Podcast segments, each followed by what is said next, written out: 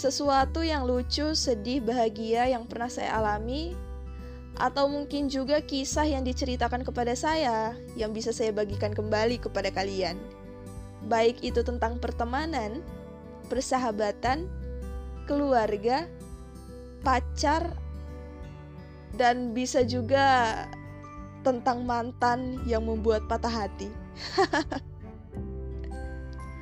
Dan nanti bisa jadi saya juga akan mengundang teman-teman saya untuk diajak ngobrol bareng di podcast ini.